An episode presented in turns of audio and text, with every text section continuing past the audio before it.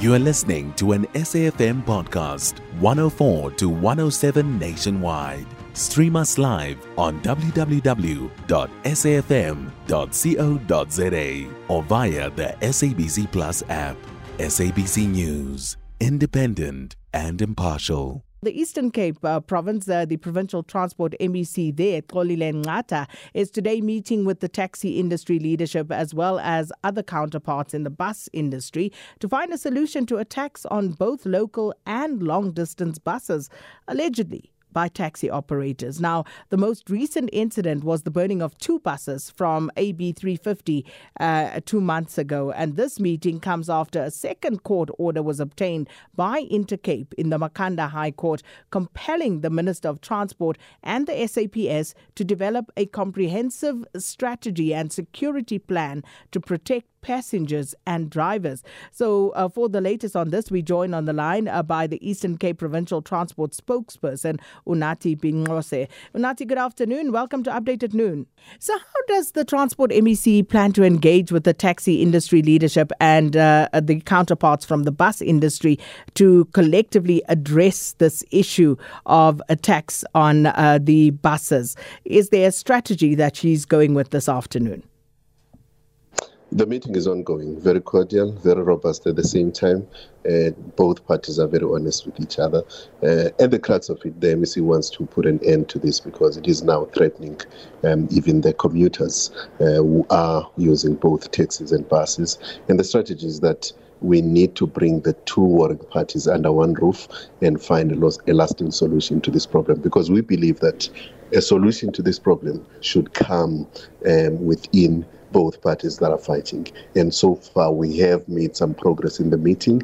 And uh, one of the resolutions that have come up so far uh, is that both parties are agreeing that they need to go to the hotspot areas and uh, talk to those who may be behind these attacks and talk them out of, of them and ensure that they work closely with government uh, to guard against any attacks, both on taxis as well as on buses.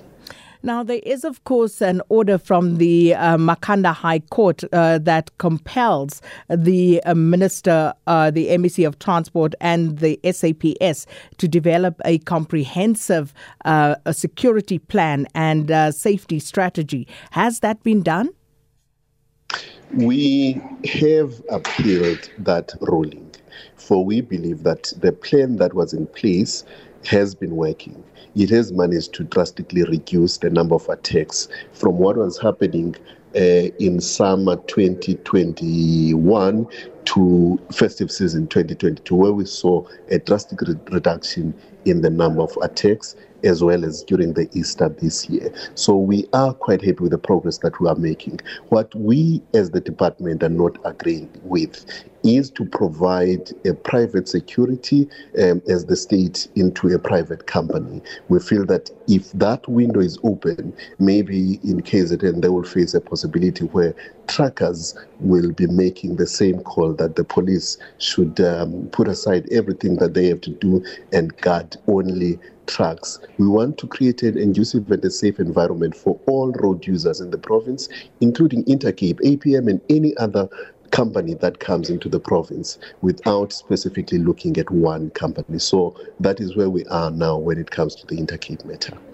So, what does that mean? Um, uh, firstly, just uh, specifically, has the department lodged that appeal, and what does that mean in terms of the order that exists? Uh, does that mean that the department does not have to comply uh, whilst they have now lodged an appeal?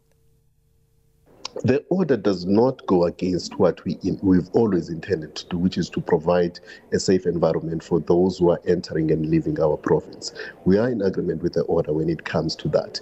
What we are challenging is to prov- is the question of providing uh, security to one certain company uh, against everything else that the state security mm. needs uh, to, to work on we do have a plan in place. And like I'm saying, compared to what was happening in the summer festive season of 2022, 2021 rather, compared to what happened in 2022, we are quite happy with the progress. Mm. Of course, we are seeing areas where we need to improve. So we are implementing that plan until the court decides otherwise with in relation to our appeal. So let me ask it this way, Mr. Bingose. Uh, does your appeal suspend the provisions of the order that was granted to Intercape? We, like I said, Sakina, we are in agreement with the court order. What we are not in agreement with is to provide a private security to particu- to specifically Intercape. Yeah, yeah, I, I, I hear that, but I'm asking whether you lodging an appeal suspends the order and, and, and what the provisions of that order may be. It certainly doesn't, because we're in agreement with it. We are we are working according to what the, the, the court had, had demanded initially. But in that but case, is, you cannot is, pick and choose which parts of the order you want to comply with and which ones you don't want to.